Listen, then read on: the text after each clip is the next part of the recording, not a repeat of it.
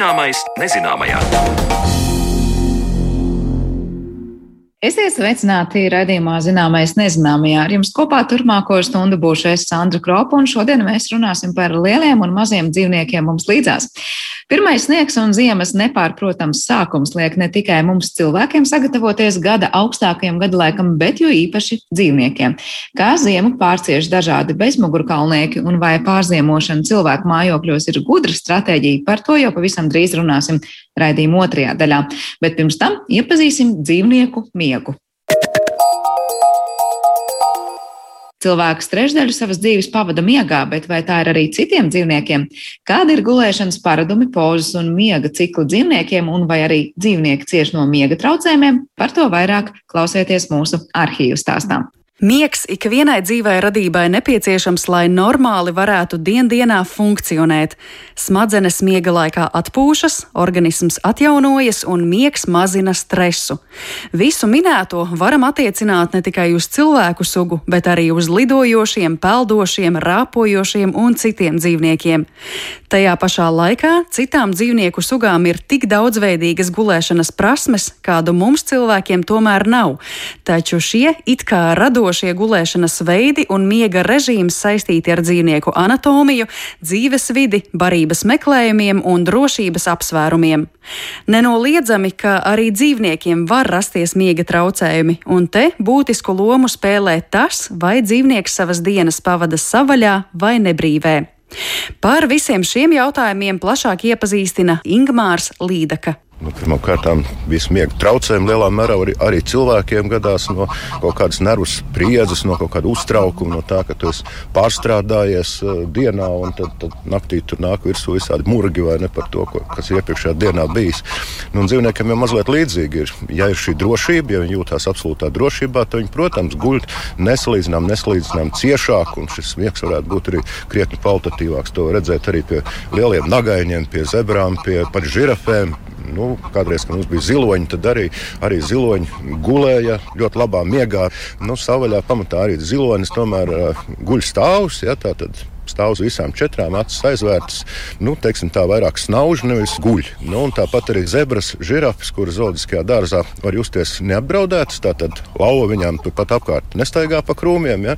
Nu, līdz ar to viņi arī guļ daudz, daudz mierīgāk. Nu, un, protams, arī šis uh, miega laiks, ja, jo dzīvnieki tomēr lielāko daļu savas dzīves pavada meklējot barību. Ja šī barība ir jāmeklē, tas nozīmē tu staigā, tu daudz laika pavadi, teiksim, barības meklējumos, tev vienkārši nav laika tik ilgi gulēt kā zooloģiskajā dārzā, kur, lai arī mēs cenšamies dažādu dzīvnieku dzīvi dažādīgot, tomēr nu, šī barība ir neapšaubām vieglāk un garantētāk pieejama nekā tas ir dabā. Nu, tas, protams, arī atsaucās uz šo te, teiksim, tā miega vai gulēšanas laiku. Nu, šeit blakus mēs esam zosīm, un šeit arī ir nu, tāda likumsakarība, kāpēc zosis lido uz tundru vasarā. Tur ir polārā diena. Praktiski nakts nav. Līdz ar to var daudz laika eh, pavadīt eh, barojot mazuļus. Ja, tātad šis mazuļu izbarošanas laiks uh, tur ir krietni īsāks nekā šeit. Jo šeit Latvijā tomēr arī vasarā uh, naktis mums ir. Tātad šī naktis ir neizbēgami jāguļ. Jo citu neko tu nevari darīt tajā naktī. Naktī tumšs, barību atrast nevar. Nu, bet tundras zonā tur praktiski mazuļi rosās, pasnauž, pasnauž un atkal meklē barību. Līdz ar to arī viņi ātrāk aug. Un tas ir tas uh, varbūt mazais noslēpums, kāpēc daudzi gaiputni pamet it kā komfortablu Eiropu, ja, un tomēr lido aiz polārā loka kur ir ļoti īsa vasara, bet tā ir absolūti gaiša, praktiski bez nakts. Līdzīgi kā cilvēki, arī citi dzīvnieki miegā ļoti selektīvi uztver trokšņus, un šī sajūta būs pazīstama mazu bērnu mamām. Ir iespējams pamosties no katra mazākā bērna raudiena, kamēr, piemēram, tramvaja trokšņi turpat aiz loga miegā nav dzirdami. Bet kā acu aizvēršana vai drīzāk neaizvēršana miega laikā saistīta ar drošības aspektiem vai dzīvnieku uzbūvi, turpina Ingmārs Līdaka. Nu, ir kādreiz tā leģenda par zaķi, vai ne? Jo cilvēki jau zina stāstīt, kad, kad zaķis guļot ar atvērtām acīm. Ja? Mm -hmm. Bet nu, tas droši vien tāpēc, ka nevienam nav no pļāvā izdevies pielavīties zaķim klāt uh, nepamanītam. Arī tad, kad viņš guļ, viņam ir ļoti teiksim, caurs miegs, un viņš tiešām jebkuru tošanos pamana, un tās acis ir atvērtas. Ja? Tā tad uh, nu, nevar atļauties zaķis gulēt ciešu miegu, tur krākt vai ne. Nu, Lapsa sadzirdēs, viņš nesadzirdēs lapsas tuvošanos, nu, līdz ar to, protams, viņam būs beigas. Ja. Un, un arī runājot par šīm atvērtajām, aizvērtajām acīm, tad nu, man radinieks līdaka, piemēram, ja. nu, viņu arī droši vien guļošu neviens nav redzējis, ne? jo zivis vienkārši nevar aizvērt acis. Ja. Viņas, praktiski, nav plakstiņa. Jā, nu, viņas neguļ tādā, nu, varbūt tādā sapratnē, kā mēs to zinām. Ja, tātad mēs nosakām, ka cilvēks vai, vai dzīvnieks, zīdītāja dzīvnieks, teiksim, guļ tad, kad viņš ir aizvēris acis. Tā ir tā galvenā pazīme. Nu, zivīm tu nepateiksi, kad viņi guļ. Viņa principā šī smadzeņu darbība nu, izmainās arī ar atvērtām acīm. Tātad viņi var gulēt arī atvērtām acīm. Mm. Nu, tāpat arī čūskas, jo čūskas arī nu, nekādīgi nevar aizvērt, pareizāk sakot, atvērt plakstiņus. Čūskas vispār dzīvo visu laiku ar aizvērtām acīm, jo šis plakstiņš ir cieti, ka tas plakstiņš ir caurspīdīgs. Tik tālu par acu plakstiņiem, bet mūsu sarunas gaitā Ingmārs Līdaka iezīmē vēl citas neparastas dzīvnieku miega stratēģijas. Ja, piemēram, cilvēkam iesaka gulēt vismaz 8 stundas, tad citiem pietiek ar nelieliem miega malkiem. Teiksim, arī ronis viņš var, protams, izrāpot krastā un gulēt krastā ļoti ciešu miegu, bet viņš var arī gulēt ūdenī. Ja? Arī delfīni tāpat var. Viņam jāizpeld ir ūdens virspusē, ieelpot. Parasti tas notiek arī patiesībā miegā. Līdz to tas miegs ir sadalīts tādos mazos, mazos fragmentiņos. Cilvēkiem arī nu, būtībā šie 15 nu, varbūt 20 minūšu miegs ir kādreiz ļoti, ļoti, ļoti vajadzīgs. To zina katrs autobraucējs, ka tas nogurs pie stūres un ilgu laiku braucis un nāk tas miegs, un tu nekā nevari izdarīt. Tad vajag tiešām uz 15, 20 minūtēm atlaisties mašīnas krēslā un, un pagulēt. Ja gulēs ilgāk, tad pamosties būs grūti, un tad pamodīsies ar tādu neizgulētības sajūtu. Ja, tad šis īsais miegs kādreiz ir tas, kas mūs var glābt. Tā kā nevajag kādreiz cīnīties ļoti izmisīgi pret šo vēlmi. Uh, iesnaust drusku. Vajag to darīt, tas mm. atmaksājās. Nu, un, piemēram, tā, arī tādi putni kā svīris, kuri kā, nu, teiksim, no līgzdas izlido. Nu, šis jaunulis, ja tā viņš uh, gadu varbūt nenolaižās vispār ne uz kādas cietas virsmas. Ja, tā tad uh, visa dzīve paiet gaisā, arī gulēšana paiet gaisā. Tātad uzlido augstu, augstu debesīs, jā, un lidojumā, diezgan ātrā lidojumā, arī paspēja pagulēt. Tomēr. Bet tas notiek atkal, tiešām, kā jau teicu, tādās īsos fragmentiņos, ne, jo arī tur gaisā tu nevari atļauties eh, nekādu ciešo miegu, jo nu, ietrieksies kādā citā svīrē, vai nedod Dievs albatrosā, vai kādā citā putnā. Ja, tā kā arī tur uh, patiesībā jāguļ ir gandrīz vai vaļā acīm. Ja. Tie ir īsie mirkļi, kurus atērē teiksim, miegam par dzērvēm vai flamingiem runājot, ir dzirdēts, vai stārķi arī guļ uz vienas kājas. Tā ir. Nu, stāvot, jā, nu, liela daļa atpūšās, guļ stāvot uz vienas kājas.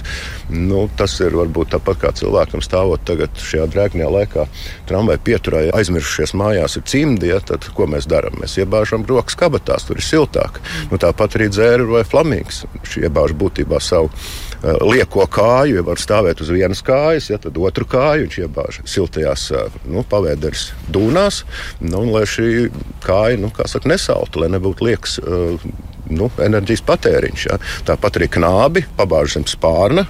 Arī knābis tomēr izturo siltumu. Tad šādā veidā dzīvnieks cenšas pēc iespējas mazāk enerģijas patērēt šajā miega laikā. Vai dzīvojot nebrīvē šeit, tad zoodārzā ir risks, ka dzīvnieki var par daudz sākt gulēt, jo tomēr ir tik droši, labi, silti ēdienas, vai ne? Taču ir viss kārtībā. Redziet, liela daļa dzīvnieku nu, drošībā un klātesot ēdienam, viņi ļoti daudz laika pavadīja snauduļojot. Mēs kādreiz skatāmies uz tiem pašiem lauvām vai mājās uz kaķi. -hmm. Tad šie dzīvnieki spēja nu, gan gulēt, gan snaust uh, pat 22 stundas diennaktī. Tas viņiem ir pilnīgi normāli. Tas nenozīmē, ka viņi gulētu kādā ciešā miegā, bet nu, viņi vienkārši nepārtraukti atpūšas. Ja? Nu, kaķis arī nu, var iziet ārā, sevišķi ziemas laikā. Viņš iziet ārā pačurā un tūlīt ir atpakaļ uz savas sedziņas vai gultā līdzās saimniekam un snauž tālāk. Un, un, līdz ar to es domāju, ka pārmēr daudz miega nav kaitīgi. Arī dzīvniekiem nē. Nu, vienīgi, protams, mēs raugamies arī uz zoodārs dzīvniekiem no tāda aspekta, ka šī barības pieejamība mazina viņu vēlmi kustēties. Ja? Nu, tas, protams, protams, veicina kaut kādu aptaukošanos. Tāpēc es saku, ka neņemiet cilvēku līdzi uz zoodārzu. Nekādas našķi dzīvnieki ir pat pārēdušies, nevis uh, nepēduši. Ja. Mm. Tātad šeit, uh, protams, enerģijas tiek tērēts mazāk nekā dabā, kur tu visu laiku esi kustībā, meklējams parību. Kur, protams, kaut kur apgulties piesaulītē un pasnauduļot ir daudz mazāk laika. Varētu rasties priekšstats, ka dzīvnieki zoodārzā visu laiku guļ, bet tā nav. Tiesa gan vasaras karstumā dzīvnieks labprāt gulēs ēnā, savukārt vēsajā laikā tas ir kustīgāks, tāpēc šobrīd patiesībā ir īstais laiks zoodārza apmeklējumam. Saruna ar Ingmāru Līdeku sākusies ziemas rīta tumsā, bet noslēdzas gaismā jau pamazām svīstot. Esam pietuvojušies stāstam par to, kam tad visvairāk patīk gulēt, un vērtīgs atgādinājums visiem, kas veido putnu barotavas. Lielai daļai dzīvnieku, teiksim, ne, ne nekustīga gulēšana ir nu, praktiski tas ikdienas dzīvesveids un arī barības iegūs veids. Nu, pieņemsim mūsu krokodilu. Nu, praktiski viņu medības dabā jau arī notiek guļot. Ja? Tātad viņiem jāizliekās par nekustīgu kaut kādu baļķīti, bluķīti un jāgaida, kad uh, barība pati pienāks tūmā. Ja? Nu, tāpat liela daļa čūska arī viņa medības uh, veiksme ir atkarīga no tā, cik nekustīgi varēs saplūst ar apkārtējo vidi un sagaidīt, kad dzīvnieks barības dzīvnieks pienāks klāt. Ja. Tā kā neapšaubām nu, lielākie guļavs droši vien, kad ir čūskas, krokodili, nu, protams, ne, arī lauvas un, un, un tīģeri. Bet tagad es jūtu, ka līdz ar eh, gaišāku dienu droši vien parādās arī dzīvnieku aktivitāte. Tas uz viņiem iedarbojas tāpat vai ne? Saulīte, dienas gaisma, tas ir signāls, ka ir jāmostas. Jā, nu neapšaubām, un tā nelaime kādreiz ziemā ir tā, ka tā diena ir ļoti īsa barības meklēšanai. Un naktī jau nekā cita darīt, kā gulēt nevar. Ja? Un, jo nekustīgāk atkal gulēs tajā naktī, jo mazāk enerģijas patērēs, te arī tas stāsts ir par zīlīšu barošanu. Ja? nu, putniņu barošanu ziemā. Ka pēc garās, garās naktas, kad tu nekā cita darīt nevari, kā tikai gulēt, ja, kad tas patērēs daudz enerģijas, tomēr šajā augstumā nu, no rīta tu lido pie tā loga, meklē, kur tā barība ir. Tu zini, ka viņi tur ir, bet barība ir aizmirsta. Kāds nav izlicis, un, un, un putns patērē daudz laika gaidot šo barību, nevis lēkājot pa koku zariem, meklējot dabisko barību. Tā kā, nu, tas ieteikums arī nu, pēc šīs garās nakts. Nu, ja jūs sāciet barot tos putniņus, tad, tad dariet to regulāri, jo pretējā gadījumā jūs nodarīsiet viņiem gaužu. Var nosaukt arī putniņš tādā veidā? Neapšaubām, neapšaubām. Mm. Viņš vienkārši pa dienu nespēs, nepaspēs sagādāt, nu, sameklēt pietiekoši daudz barības. Viņš sēdēs pie loga, cerēs, ka būs tāpat kā vakar, speķa gabals izlikts ārā, ja? nu, un sagaidīs vakaru nepaēdis. Un tad garā nakts, garais miegs neizbēgamais, ja nu, tas nodarīs gaužu. Mm. Var no, no rīta arī nepamosties. Par dzīvnieku miegu stāstīja Rīgas Nacionālā zooloģiskā dārza izglītības darba metodiķis Ingmārs Līdaka, un ar viņu sarunājās Mariona Baltkalna. Bet raidījuma turpinājumā pievēršamies kukaiņu dzīvei ziemā.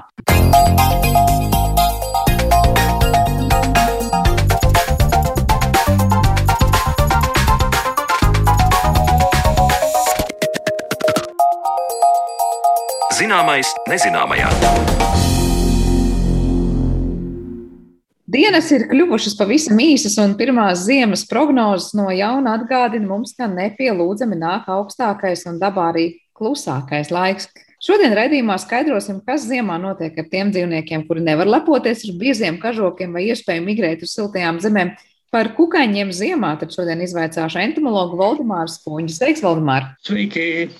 Varbūt vispirms es sākšu pastāstīt par to, nu, par kuriem kukaiņiem mēs vispār ziemas periodā varam runāt kā par tādiem nu, interesantākajiem eksemplāriem, ja tā var teikt, kurus tā ziema skar, nu, visi tiešākā mērā ar kaut kādām ļoti interesantām nu, pielāgošanās spējām šim gada augstajam mēnesim, jo, protams, cik kukaiņi tik droši vien dažādu iespēju, kas ar tiem notiek. Citi dodas miegā, citi pārziemo, citi iet bojā.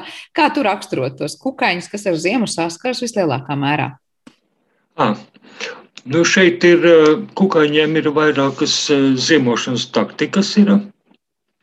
Tu pieminēji, ka uh, viņiem nav migrācijas iespēju, bet mums patiesībā ir divas tauriņu sugas, kuras ir migranti. Tas ir dažu raibenis un lielais nātu raibenis, ir, kuri rudenī dodas uz uh, Dienvidu Eiropu. Tā, tā ir viena no uh, ziemošanas taktikām - migrēt. Uh, pārējiem, teiksim, kas te paliek pie mums, ir uh, dažādas tās ziemošanas taktikas ir. Viņi var ziemot kā ola, kā kāpurs, kā kūniņa, kā pieaugušais. Un uh, ir tāds kaut kāds kopīgais, uh, kopīgais mehānisms. Ir. Tas ir tāds, ka uh, jebkuram ziemojošajam kukainim ir uh, ķermenī rudenī izstrādājās tādi kā antifrīzi, paredz sasaušanas mehānismi, kad viņu ķermenī šūnās un ārpus šūnām paaugstinās dažādu mazmolekulāru vielu nu, koncentrācija, kas samazina iespēju, ka kukainis var sasalt un ledus kristāli var nu, sasalstot ķermeņa šķidrumam, jeb šūnām, ka ledus kristāli var sapostīt kukaini. Bieži vien kukaiņiem ir nu, veidojies tā kā mazmolekulāras vielas, tas ir cukuri un arī glicerīns. Un tas nozīmē, ka kukaiņu ķermenis ziemā var izturēt diezgan lielus negatīvas temperatūras, tikai pateicoties tam, ka viņa ķermenis ir nu, aizsar, aizsargāts ar pretnosalšanas līdzekļiem. Teikt, piepildīts, bet tas notiek, tad tu teici jau rudenī, ja? kuriem kukaiņiem tas tā ir un kas to nosaka, ka, nu, lūk, vienam ir palaimējies ar šādiem antifrīziem, kā teikt, būt, un citiem nē. Jā, nu tas tā, tad mēs dzīvojam mainīgā klimata joslā, Un ziema mums ir normāla parādība, un uh, visi mūsu kukaiņi un arī citi bezmirkalnieki, tur ēca zirnekļi, visi ir pielāgojušies uh, šim bargajam gada laikam. Tas, protams, liels pārdzīvojums visiem ir, jo patiesībā mirstība ziemas laikā varbūt ir diezgan liela. Nu, teiksim, vietējā fauna tam ir pilnīgi gatava. Un tā gatavošanās notiek jau rudenī, tad, kad samazinās fotoperiods, respektīvi tad, kad dienas kļūst īsāks. Un gatavošanās ziemošanai sākas jau apmēram septembrī. Kur ir tie kukaiņi, kas varbūt ir tādi nu, visilgāk iztur to rudeni un to augsto, un varbūt ne to gaišāko periodu, un pēdējie dodas šādā nu, ziemas miegā, ja tā var teikt? Hmm. Nu, to ir grūti pateikt, bet es varu pateikt, ka ir mums tādi īpaši odi, kurus sauc par ziemas odiem, kuri šķeļā, nu, izšķeļās eh, apmēram septembrī, oktobrī. Un tieši pašlaik, šajā laikā viņa lido, eh, pārojas un ļoti viegli pārcieš ziemu, lido ziemas eh, atkušņos, un pavasarī dēļ olas, un, un tad arī pieaugušo um, ziemesodu dzīve beidzās. Tad viņi izmantoja šo ziemas periodu speciāli, lai izvairītos no kukaņētāju putniem, piemēram. Tas, ko tu minēji arī par šiem migrantiem, es iedomājos, nu, kā tas nāks, ka daži kukaiņi varbūt ir tie, kuri nu, aizmigrēs kaut kur tālu, citi atkal paliks kaut kur tepat un nebūs apveltīti ar šādu iespēju. Kā tu raksturot, nu, kādam ir jābūt tam kukainim, lai viņš būtu spējīgs doties tālu uz kaut kādām citām, daudz piemērotākām teritorijām? No kukaiņiem ir tā, ka viņi ir atkarīgi no. Uh, barību, nu, uzkrātajām barības vielām. Un kukaiņiem tas ļoti raksturīgs, kad uzkrātās barības vielas ir tā saucamais tauku ķermenis, kas eh, aizņem lielu daļu no vēdera. Un pateicoties šim tauku ķermenim, tie tauki tiek pa, pamazām iztērēti un izmantot dažādām dzīves vajadzībām, ieskaitot arī migrāciju. Bet tu sākumā minēji šīs divas tauriņu sugas, ja? Kas, kas dodas tajā tālajā ceļā. Mm, pirmkārt, cik tālu tās dodas, un tad es domāju, nu, kāpēc citi tauriņi nav apveltīti ar iespējām šos taukus uzkrāt? Šie tauriņi, acīm redzot, savu migrāciju apguvuši pēc tam, kad uh, uh, pie mums te mainījās tas uh, ledus laikmets un, un bija tādi siltāki periodi kaut kur uz dienvidiem un uz ziemeļiem siltāki periodi ir vasarā, un tas nozīmē, ka, ja pie mums vasarā ir siltāks periods, tad ir, piemēram, labāka barošanās. Tāpat laikā, kad dienvidos, teiksim, ir sausums un tur ir maz augu. Vēl nevar nepieminēt, man liekas, runājot par ziemu, par tiem kukaiņiem, kas pārceļas nu, uz mums, mūsu cilvēku mājokļiem un tiem tuvām teritorijām. Kas ir tie kukaiņi, kuri izvēlas tad, nu, kaut kur pārziemot? Es nezinu, pat mūsu kādu mājokļu spraugās un vēl kur citur pagrabos. Un kādi apstākļi tad ir viņiem vislabvēlīgākie?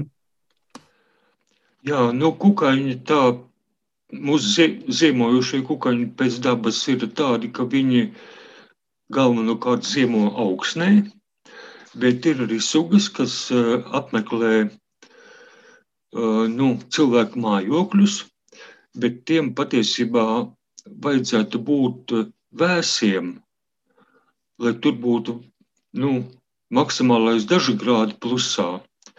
Nu, tā kā pagrabi, piemēram, ļoti ideāla ziemošanas vieta ir, un arī alas, piemēram. Bet, ja kāds ziemojošs kukainis nonāk siltā telpā, nu, piemēram, tur, kur dzīvo cilvēki, un tur, kur ir nu, tādas, nu, kur ir silts, ir, tad viņi aiziet bojā dēļ viena apstākļa dēļ. Pirmkārt, viņi nevar baroties, un otrkārt, siltumā viņi iztērē visu savu enerģiju, respektīvi to, kas ir uzkrāta tauku ķermenī, un tad viņi vienkārši iet bojā.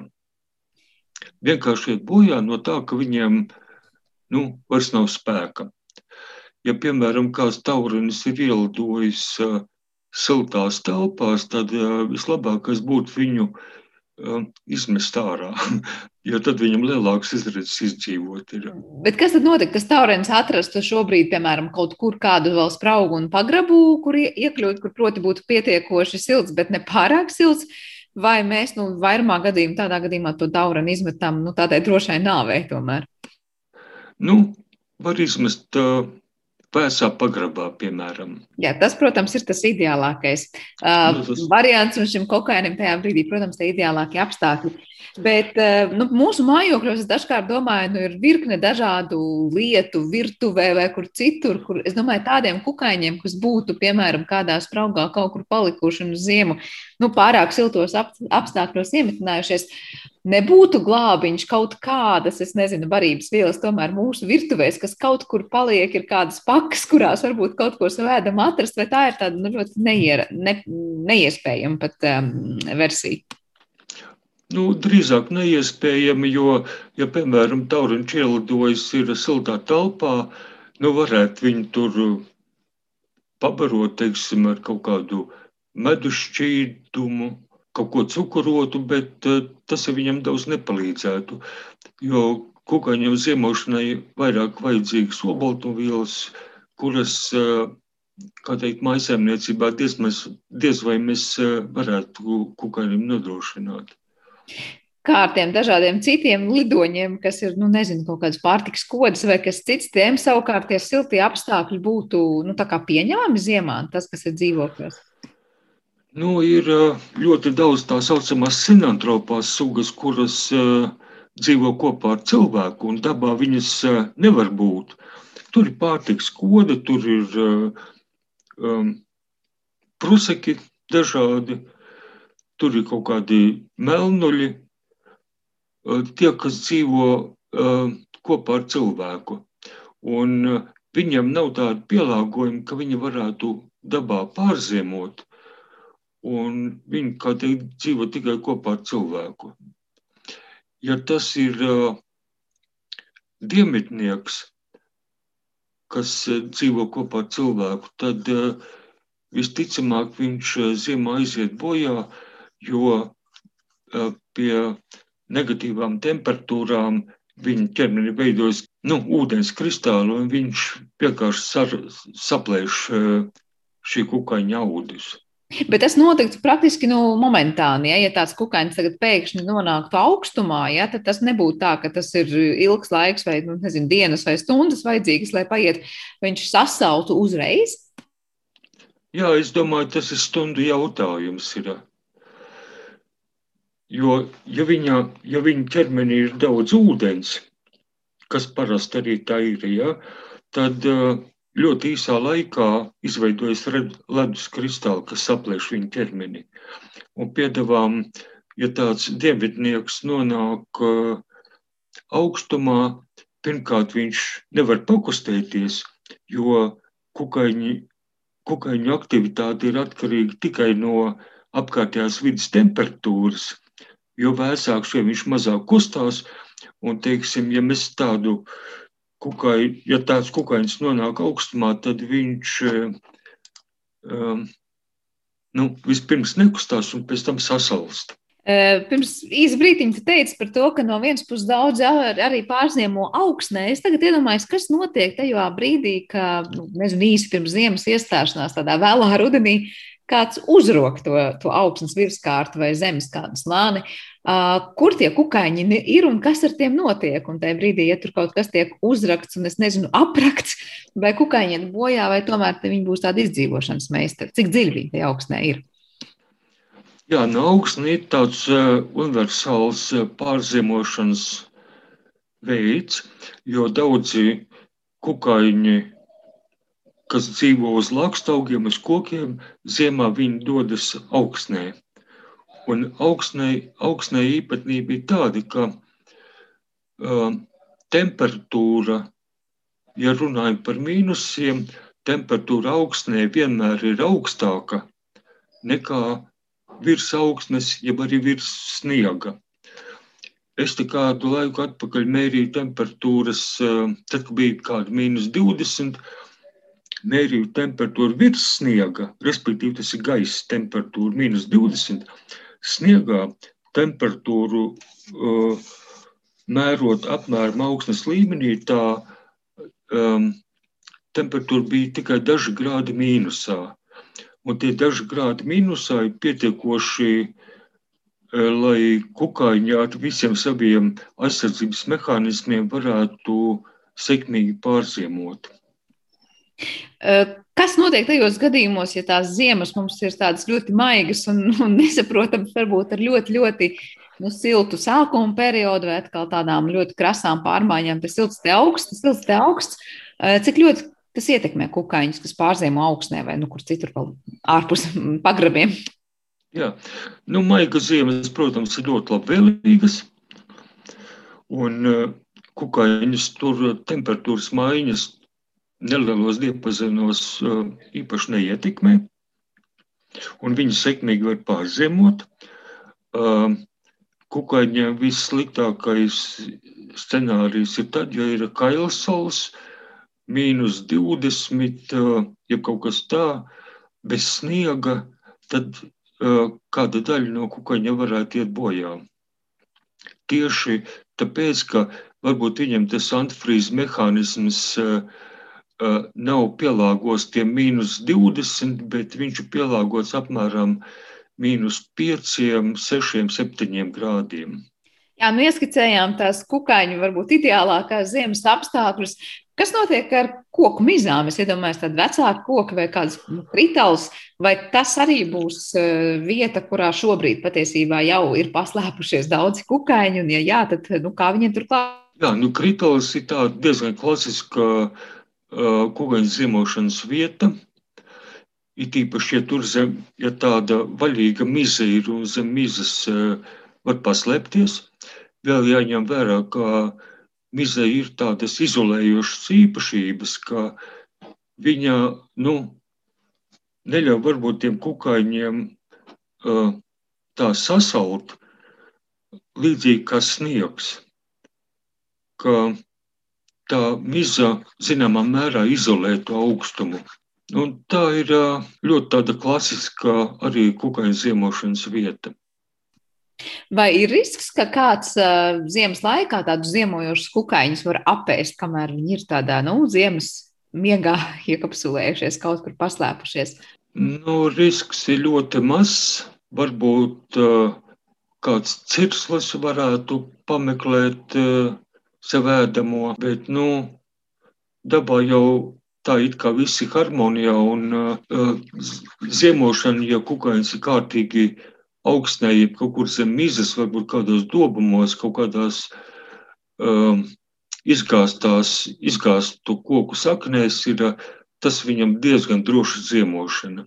Vienīgais ir tā, ka ziemošanas laikā kukainis ir nekustīgs, un uz viņa var parazitēt, piemēram, nematodes, jeb kādas parazītiskās ēces, kas to kukaini var, nu, bišķiņ, viņam iedot stresu. Jo, piemēram, kamenes, kas ziemo parasti sīko grauzēju alās, ka uz viņām var iedarboties nematodes un vēl kaut kādas parazītiskās ēdas, kas samazina viņu populāciju pavasarī.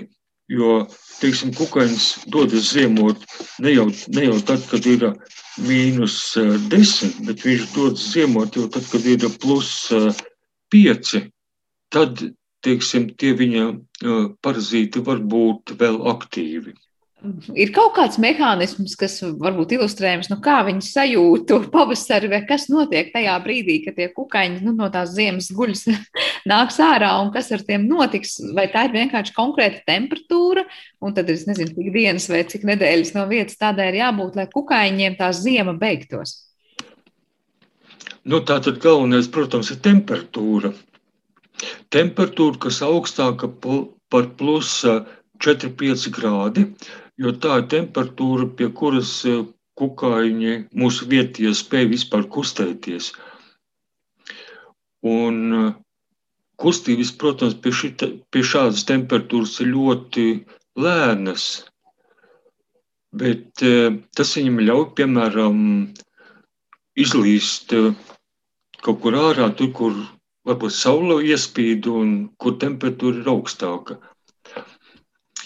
Piedevām Daudz kukaiņu ziemo tādās vietās, kur uh, pavasarī labi apspīd saule. Jo, respektīvi, ja saule apspīd nu, teiksim, koka stumbru no dienvidu puses, tad kukaiņi labprāt uh, ziemo dienvidu pusē, jo tad viņi nu, var ātrāk pamosties. Bet tur ir vēl viena lieta, ir, ja uznāk uh, nu, kārtīgi plusi ziemas laikā, kas arī mūsu ziemās ir diezgan raksturīgi, ir, tad kukaiņi it kā atdzīvojās, sāk rāpot, bet, ja uznāk mīnus, tad viņi arī iet bojā. Tā ka temperatūra ietekmē gan pozitīvi viņu to pārziemošanu, gan var būt arī nu, kaut kāds negatīvs efekts. Tāds riska faktors. Es tieši gribēju jautāt, kas notiek tādās nedēļās, kas nu, vēl šajā laikā ir diezgan izplatīta. Varbūt vienā dienā tur temperatūra ir plus 3, pēc tam ir plus 9, tad atkal varbūt kāds mīnus 1 vai plus 2. Tad patiesībā tas ir tāds kukaiņiem riskantākais laiks. Nu, man šķiet, riskantākais laiks ir pavasarī, tad, kad mainās tās krasās temperatūras, ka uh, saule spīd, uzsilda, un naktī varbūt arī krietni mīnusi. Tagad rudenī man šķiet, eh, tas risks ir eh, diezgan mazs. Bet kā mēs runājam par mainīgajām ziemām un mainīgo klimatu, mēs varam teikt, ka nu, klimata pārmaiņas pavisam noteikti liek kukaiņiem pārskatīt savas ziemošanas stratēģijas, un daudz ir spiesti pielāgoties kaut kam pilnīgi jaunam, un tas patiešām šobrīd tajā kukaiņu pasaulē notiek.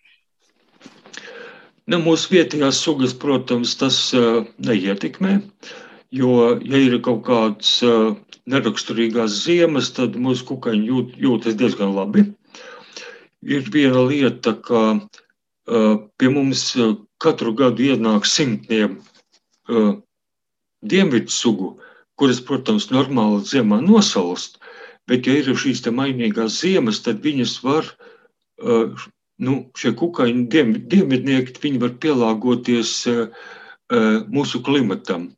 Un tādu, un tādu nu, pierādījumu mums ir diezgan daudz.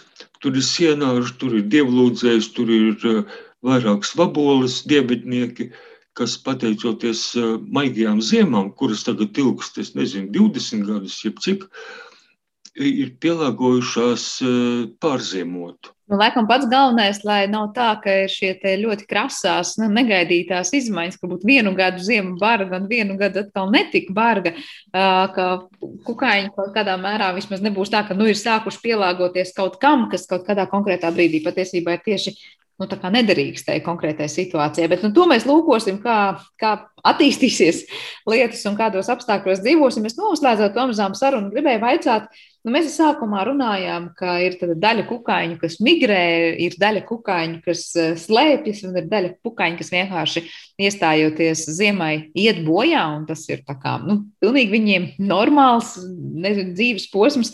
Vai ir kaut kāds, nezinu, proporcionāls sadalījums, lai mēs saprastu, nu, vai kukaiņu pasaulē vairāk ir to, kas iestājoties ziemai, iet bojā?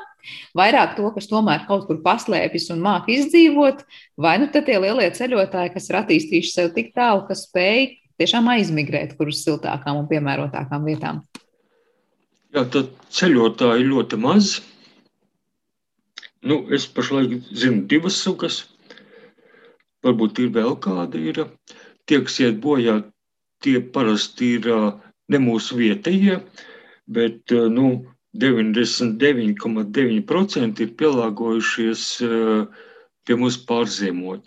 Jo nav tā, ka um, pēc kādas bargas ziemas mēs redzētu, ka tiksim, mūsu vietējā eh, kukaiņa fauna ir nu, krietni tā samazinājusies.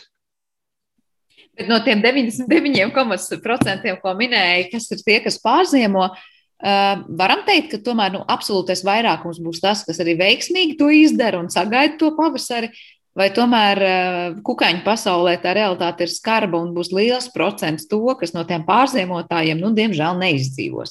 Nu, tie 99,9% noteikti pārziemo. Tātad tie, kuri izvēlas savu stratēģiju pārziemot, absolūtajā vairākumā to veiksmīgi arī realizēs. Pareizi sadzirdu. Jā, nu, protams, tur zinām mirstība ziemā ir, jo tas tomēr ir liels pārbaudījums kukaiņiem. Ir, bet, ja mēs runājam par sugām, tad sugu skaits no tā nemainīsies. Mainīsies varbūt īpaņu skaits, ko mēs pavasarī satiksim. Jā, nu, lūkosim, gaidīsim pavasari un cerams, ka kukaiņiem būs veiksmīga un mierīga ziema. Paldies, Valdemār, par sarunu. Es atgādināšu klausītājiem, ka entomologs Valdemārs Spunģis šajā raidījuma pusstundā bija kopā ar mums. Ar to arī raidījums ir izskanējis un teikšu paldies par to producentei Paulai Gulbinskai. Par mūziku šajā stundā rūpējās Girds Biša, bet ar jums kopā bija Sandra Kropa. Lai jums visiem veiksmīga diena un uz tikšanos!